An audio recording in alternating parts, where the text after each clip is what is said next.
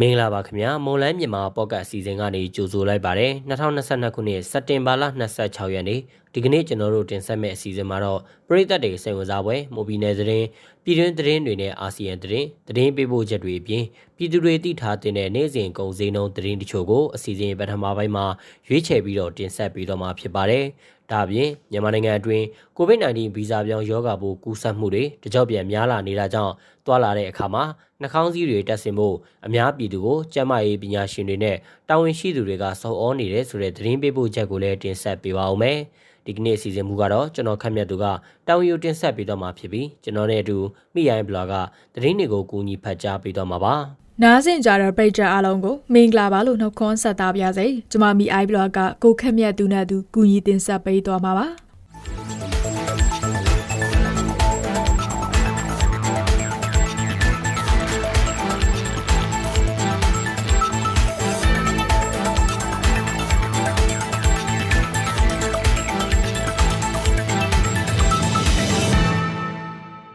ဘီလင်းမြို့နယ်ရန်ကုန်မော်လမြိုင်ကားလမ်းပေါ်ရှိရွှေတန်လင်းတိုးဂိတ်အဟောင်းပူပေါင်းစစ်စေးရေးဂိတ်မှာကရင်အမျိုးသားစီယုံကရင်အမျိုးသားလွတ်မြောက်ရေးတပ်မတော်ငြိမ်းချမ်းရေးကောင်စီ KNU KNLA PC ကကားနဲ့တင်ဆောင်လာတဲ့ရိုဟင်ဂျာ36ဦးကိုဖမ်းဆီးရမိခဲ့တယ်လို့သိရပါဗျ။ပြီးခဲ့တဲ့ရက်ပိုင်းည10:00နာရီဝန်းကျင်ကြိုက်ထိုဘက်ကနေတထုံဘက်ကိုမောင်းနှင်လာတဲ့မော်တော်ယာဉ်3စီးကိုစစ်ဆေးရာကနေအခုလိုဖမ်းဆီးရမိခဲ့တာပါ။လက်ရှိမှာတော့ဖမ်းဆီးရမိသူတွေကိုဘီလင်းမြို့မှာရဲစခန်းမှာထိန်းသိမ်းထားပြီးစစ်ဆေးမှုတွေလှုပ်ဆောင်နေပါတယ်။ ဖမ်းဆီးရမိသူ36ဦးမှာအမျိုးသား22ဦးနဲ့အမျိုးသမီး14ဦးပါဝင်ပြီးအသက်မပြည့်သေးတဲ့အမိန်းကလေးတအုပ်နဲ့အမျိုးသားငယ်3ဦးလည်းပါဝင်တယ်လို့သိရပါဗျ။အဲဒီကိစ္စနဲ့ပတ်သက်ပြီးအချက်လက်ပုံမူသိရှိနိုင်ဖို့ KNU KNLA PC ကိုမွန်လန်းမြန်မာကဖုံးဆက်သွယ်နေဆဲဖြစ်ပါတယ်။ရေးမြို့နယ်ကလော့ကျေးရွာမှာနာဆက်ကကောင်စီတက်မှတ်ထားတဲ့ညမထွက်ရအမိတ်ကတ်သက်ချိန်အချိန်လွန်ထွက်မိပြီးအမျိုးသားတဦးတနက်ပစ်ခံရပြီးတေဆုံးသွားတယ်လို့သိရပါတယ်။ တည်ဆုံးသူဟာအသက်35နှစ်အရွယ်ဦးနိုင်ဦးဖြစ်ပြီးပြီးခဲ့တဲ့ရက်ကည2နာရီအချိန်လမ်းထွက်လာတာကိုစစ်တပ်ကပြစ်ခတ်ရာကနေတည်ဆုံးခဲ့တာပါအဲ့ဒီပြစ်ခတ်မှုကြောင့်ပွဲချင်းပြီးတည်ဆုံးခဲ့ပြီးအဲ့ဒီအမျိုးသားရုပ်လုံးကိုကားနဲ့တင်ကစစ်တပ်ကရွာအဝင်ဝမှာထားခဲ့တယ်လို့တရားခံတွေစီကသိရပါတယ်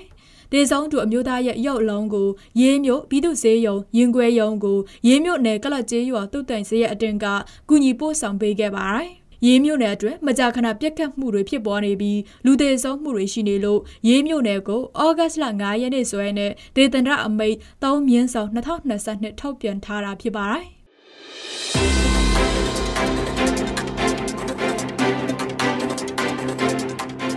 ကျွန်တော်တို့ရဲ့မွန်လိုင်းမြန်မာပေါ့ကတ်မြန်မာဘာသာအစီအစဉ်ကိုအားပေးနားတော်တာဆင်ကြတဲ့ပရိသတ်များခင်ဗျာကျွန်တော်တို့အတန်လွင့်အစီအစဉ်ကနေပြီးတော့ဝန်ပြည်နယ်မှာဖြစ်ပျက်နေတဲ့သတင်းတွေပြည်တွင်းငြိမ်းချမ်းရေးဖြစ်စဉ်တွေအပြင် မြန်မာနိုင်ငံသတင်းနဲ့အာဆီယံသတင်းတွေကိုအပတ်စဉ်တင်လာနေကနေတောက်ကြနေမှာည9:00နာရီအချိန် Moon News Agency Facebook စာမျက်နှာမှာဝင်ရောက်နားဆင်နိုင်ကြတော့ Online မြန်မာ Podcast စာမျက်နှာမှာလည်းဝင်ရောက်နားဆင်နိုင်ပါပြီ။အားပေးကြတဲ့ပရိသတ်များအားလုံးကိုကျေးဇူးတင်ပါတယ်ခင်ဗျာ။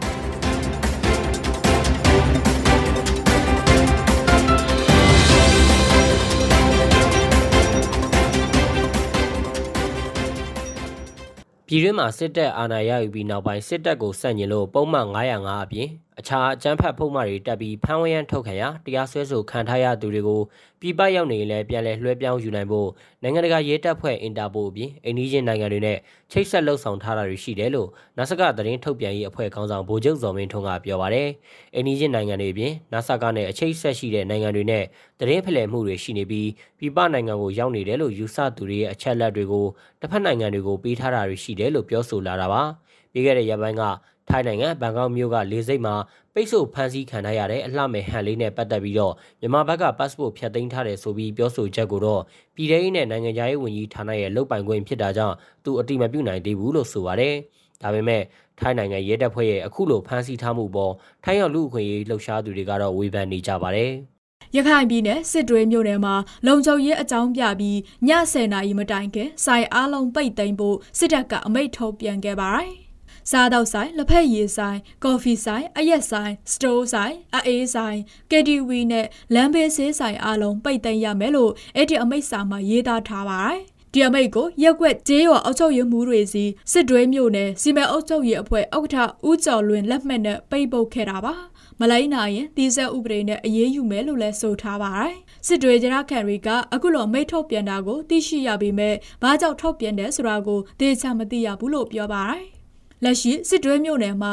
တိုက်ပွဲဖြစ်ပွားတာမရှိပေမဲ့ရခိုင်ပြည်နယ်မြောက်ပိုင်းနဲ့ချင်းပြည်နယ်ပလက်ဝမြို့နယ်မှာစစ်တပ်နဲ့ရခိုင်တပ်မတော် AA တို့အကြားတကြောပြန်တိုက်ပွဲတွေဖြစ်ပွားနေပါတယ်။ ထိုင်းနိုင်ငံအလဲပိုင်းနွန်ထပူရီခရိုင်ထဲမှာအသက်73နှစ်အရွယ်မြန်မာမိန်းကလေးကိုအလုရှင်ကအိမ်ပေါ်လှုပ်ဖို့ခေါ်သွားပြီးလမ်းခုလမ်းမှာလိမ်မိုင်းဆိုင်ရာစော်ကားခဲ့တယ်လို့မန်နေဂျာအွန်လိုင်းထိုင်းသတင်းဌာနမှဖော်ပြထားပါတယ်။ပြီးခဲ့တဲ့ရက်ပိုင်းကမွန်းလဲတနာရီခန့်အချိန်73နှစ်အရွယ်သမီးဖြစ်သူကိုအလုရှင်ကအိမ်ပေါ်လှုပ်ပေးမယ်ဆိုပြီးခေါ်သွားရကနေလမ်းခုလမ်းမှာလိမ်မိုင်းဆိုင်ရာစော်ကားခဲ့တယ်လို့မြမရွှေပြောင်းအလုပ်သမားဆိုင်းကျော်ဝင်းက ဗန်မိုထောင်းနယ်မြေရဲစခန်းမှာတွားရောက်တိုင်တန်းခဲ့ပါတယ်။အဲ့ဒီမတိုင်ခင် Facebook လူမှုကွန်ရက်မှာအင်ကူအလိုရှိကြောင်းကြော်ညာထားတာတွေ့လို့ဆက်သွယ်ရာကနေစားတောက်ဆိုင်ဖွင့်ထားတယ်လို့အသက်39နှစ်အရွယ်ထိုင်းမျိုးသားကမိန်းကလေးကိုအလုပ်သွင်းပေးမယ်ဆိုပြီးခေါ်သွားခဲ့တာပါ။ရဲစခန်းကတော့သူ့ကိုအရွယ်မရောက်သေးတဲ့မိန်းကလေးကိုမိဘအုပ်ထိန်းသူတွေနဲ့ကင်းကွာစေမှုအရွယ်မရောက်သေးတဲ့မိန်းကလေးဟာသွေးဆောင်ဖျားယောင်းပြီးမဒိန်ကျင့်မှုကြံစီမှုတွေနဲ့အမှုဖွင့်အရေးယူထားပါတယ်။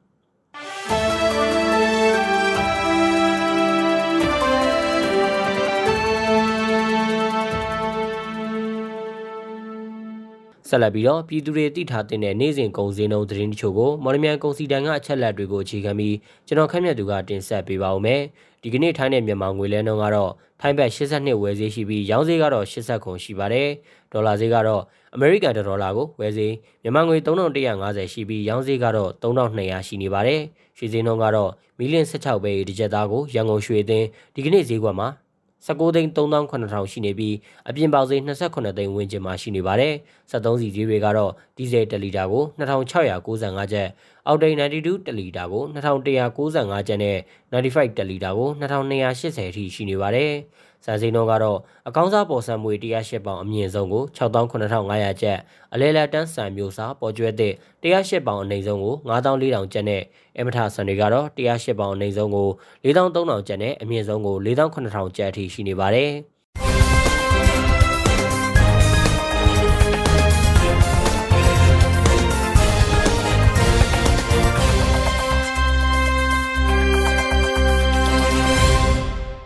အခုတင်ဆက်ပေးသွားခဲ့တာကစက်တင်ဘာလ26ရက်နေ့မှာဖြစ်ပျက်ခဲ့တဲ့မိုးပြည်နယ်သတင်းပြည်တွင်းသတင်းနဲ့အာဆီယံသတင်းတွေအပြင်တနိတာစီစေးငွေစေးနဲ့ကုန်စည်နှုန်းတွေကိုတင်ဆက်ပေးသွားခဲ့တာပါဆက်လက်ပြီးတော့မြန်မာနိုင်ငံအတွင်း COVID-19 ဗီဇပြောင်းရောဂါပိုးကူးစက်မှုတွေတကြောပြန်ပြန်များလာနေတာကြောင့်တွာလာတဲ့အခါမှာနှာခေါင်းစည်းတွေတက်ဆင်ဖို့အများပြည်သူကိုကျန်းမာရေးပညာရှင်တွေနဲ့တာဝန်ရှိသူတွေကစော်ဩနေတယ်ဆိုတဲ့သတင်းပေးပို့ချက်ကိုတော်တာကတင်ဆက်ပေးပါဦးမယ်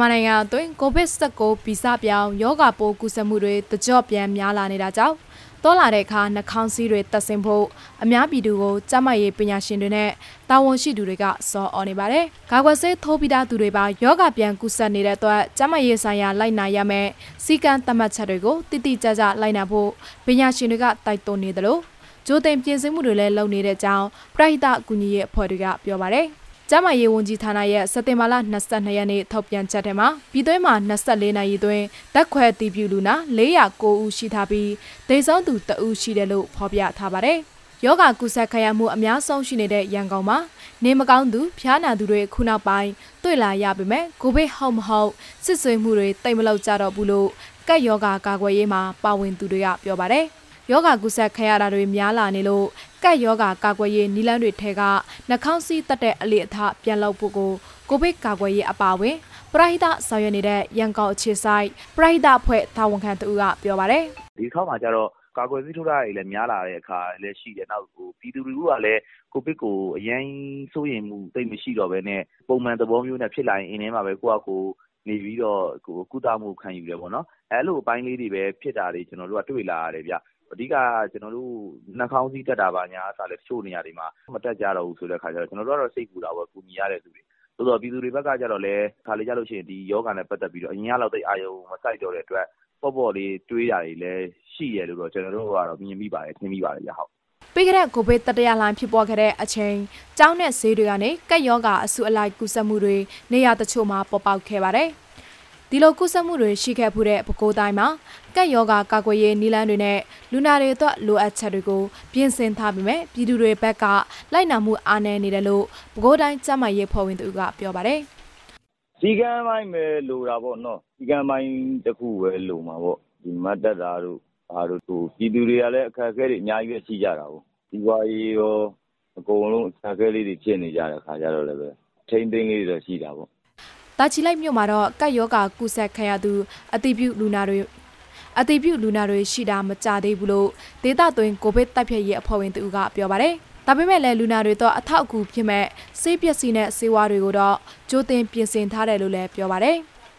ဟိုတာချီလိမ့်မှာတော့အခုလက်တလောတော့နှစ်ယောက်စားသုံးယောက်စားတော့တွေ့တယ်မနေ့ကစတွေ့ရလို့ပြောတယ်ခင်ဗျအများတော့အများကြီးမတွေ့မတွေ့သေးဘူးခင်ဗျကျွန်တော်တို့ကတော့ဒီခုကိုဗစ်လက္ခဏာတွေပိုပြီးဖြစ်လာတဲ့အတွက်ကျွန်တော်တို့ကလည်းကြိုတင်ပြင်ဆင်ထားတာကတော့ ဥမာ လူ200 300စာကို2လစာလောက်2လစာလောက်အထိကျွန်တော်တို့ကြိုတင်ပြင်ဆင်ထားပြီးသားရှိတယ် အသက်9နှစ်နဲ့ အထက်ရှိသူတိုင်း ကိုဗစ်ကာကွယ်ဆေးထိုးနှံဖို့နဲ့ နှာခေါင်းဆေး Max တက်တာ လက်ဆေးတာ လူစုလူဝေးရှောင်ကျင်တာ ဒီအချက်တွေကို သေချာဆောင်ရွက်ကြဖို့ကက်ယောဂတိုက်ဖြတ်ရေးမှာ ပါဝင်သူတွေကတတိပေးနေပါတယ်။အရင်ကကက်ယောဂကြောင့်ယောဂဖြစ်ပွားကုသခံရသူတွေနဲ့ဒေဆုံးသူ အတော်များများရှိခဲ့ပြီး တရားဝင်စည်ရင်းတွေရမြန်မာနိုင်ငံမှာ ကိုဗစ်အတည်ပြုလူနာ6သိန်း2000ကျော်ရှိပြီးကိုဗစ်ကြောင့်သေဆုံးသူ19000ကျော်ရှိနေပါတယ်။ကိုဗစ်လှိုင်းတန်ကိုခက်ခက်ခဲခဲဖျက်တမ်းခဲ့ရတဲ့အတွေ့အကြုံတွေကြောင့်ပရိသတ်ဆောင်ရွက်သူတွေလည်းအခုတစ်ခါမှပိုပြီးတတိထားနေတယ်လို့ပြောပါတယ်ဒီတစ်ခါဖြစ်တဲ့ကိုဗစ်ကရခင်ထက်လည်းနည်းနည်းလေးပြင်းတယ်လို့ပြောကြတယ်ပေါ့ဟို အဓိကတော့ ကျွန်တော်တို့က ကျွန်တော်တို့ရဲ့ volunteer စေတနာဝန်ထမ်းတွေအနေနဲ့ အများအကူအညီတဲ့အခါမှာ ကိုကိုရိုင်းလူနာပြန်မဖြစ်သွားဖို့အတွက်ကို view site ကပါတယ် အဲ့တော့ ကျွန်တော်တို့ကတော့ ကိုဗစ်နဲ့မဆိုင်တဲ့တာမန်လူနာပို့ပို့ဆောင်မှုတွေလုပ်တဲ့အခါမှာ လူနာက ဘာယောဂရှိမှကျွန်တော်တို့က သေချာမသိနိုင်တဲ့အတွက် ကြိုတင်ကာကွယ်မှုတွေကိုလည်း ကျွန်တော်တို့ ပို့လို့ရပါတယ်။နောက် ကိုယ့်အသင်းဝင်တွေ ကူးစက်မှုမခံရအောင်လည်း ကာကွယ်ဆေးထိုးတာနောက်လိုအပ်တဲ့ ကာကွယ်မှုတွေကို ကျွန်တော်တို့ ပို့ပြီးတော့လုပ်ပြီးတော့ သတိထားဆောင်ရွက်နေရပါတယ်။ကျွန်တော်တို့ကအကူအညီရတဲ့သူတွေဆိုတော့ ကျွန်တော်တို့ရဲ့ ကူညီမှုအား မလျော့သွားအောင်တော့ အထူးသတိထားဆောင်ရွက်နေရပါတယ်ခင်ဗျာ။ ကပ်ယောဂကြောင့်သေဆုံးသူတွေထက်ကယောဂခံရှိသူမှာနှစ်ရာခိုင်နှုန်းလောက်ကယောဂကာကွယ်ဆေး၃ကြိမ်ထိုးထားပြီးသူတွေဖြစ်တယ်လို့ကျန်းမာရေးဝန်ကြီးဌာနကထုတ်ပြန်ထားပါတယ်။ယောဂကာကွယ်ဆေးအကြိမ်ပြည့်ထိုးနှံကြဖို့နဲ့နောက်ထပ်တစ်ကြိမ်ကာကွယ်ဆေးထပ်ပြီးထိုးနှံဖို့ကိုလည်းကျန်းမာရေးတာဝန်ရှိသူတွေကတိုက်တွန်းနေကြပါတယ်။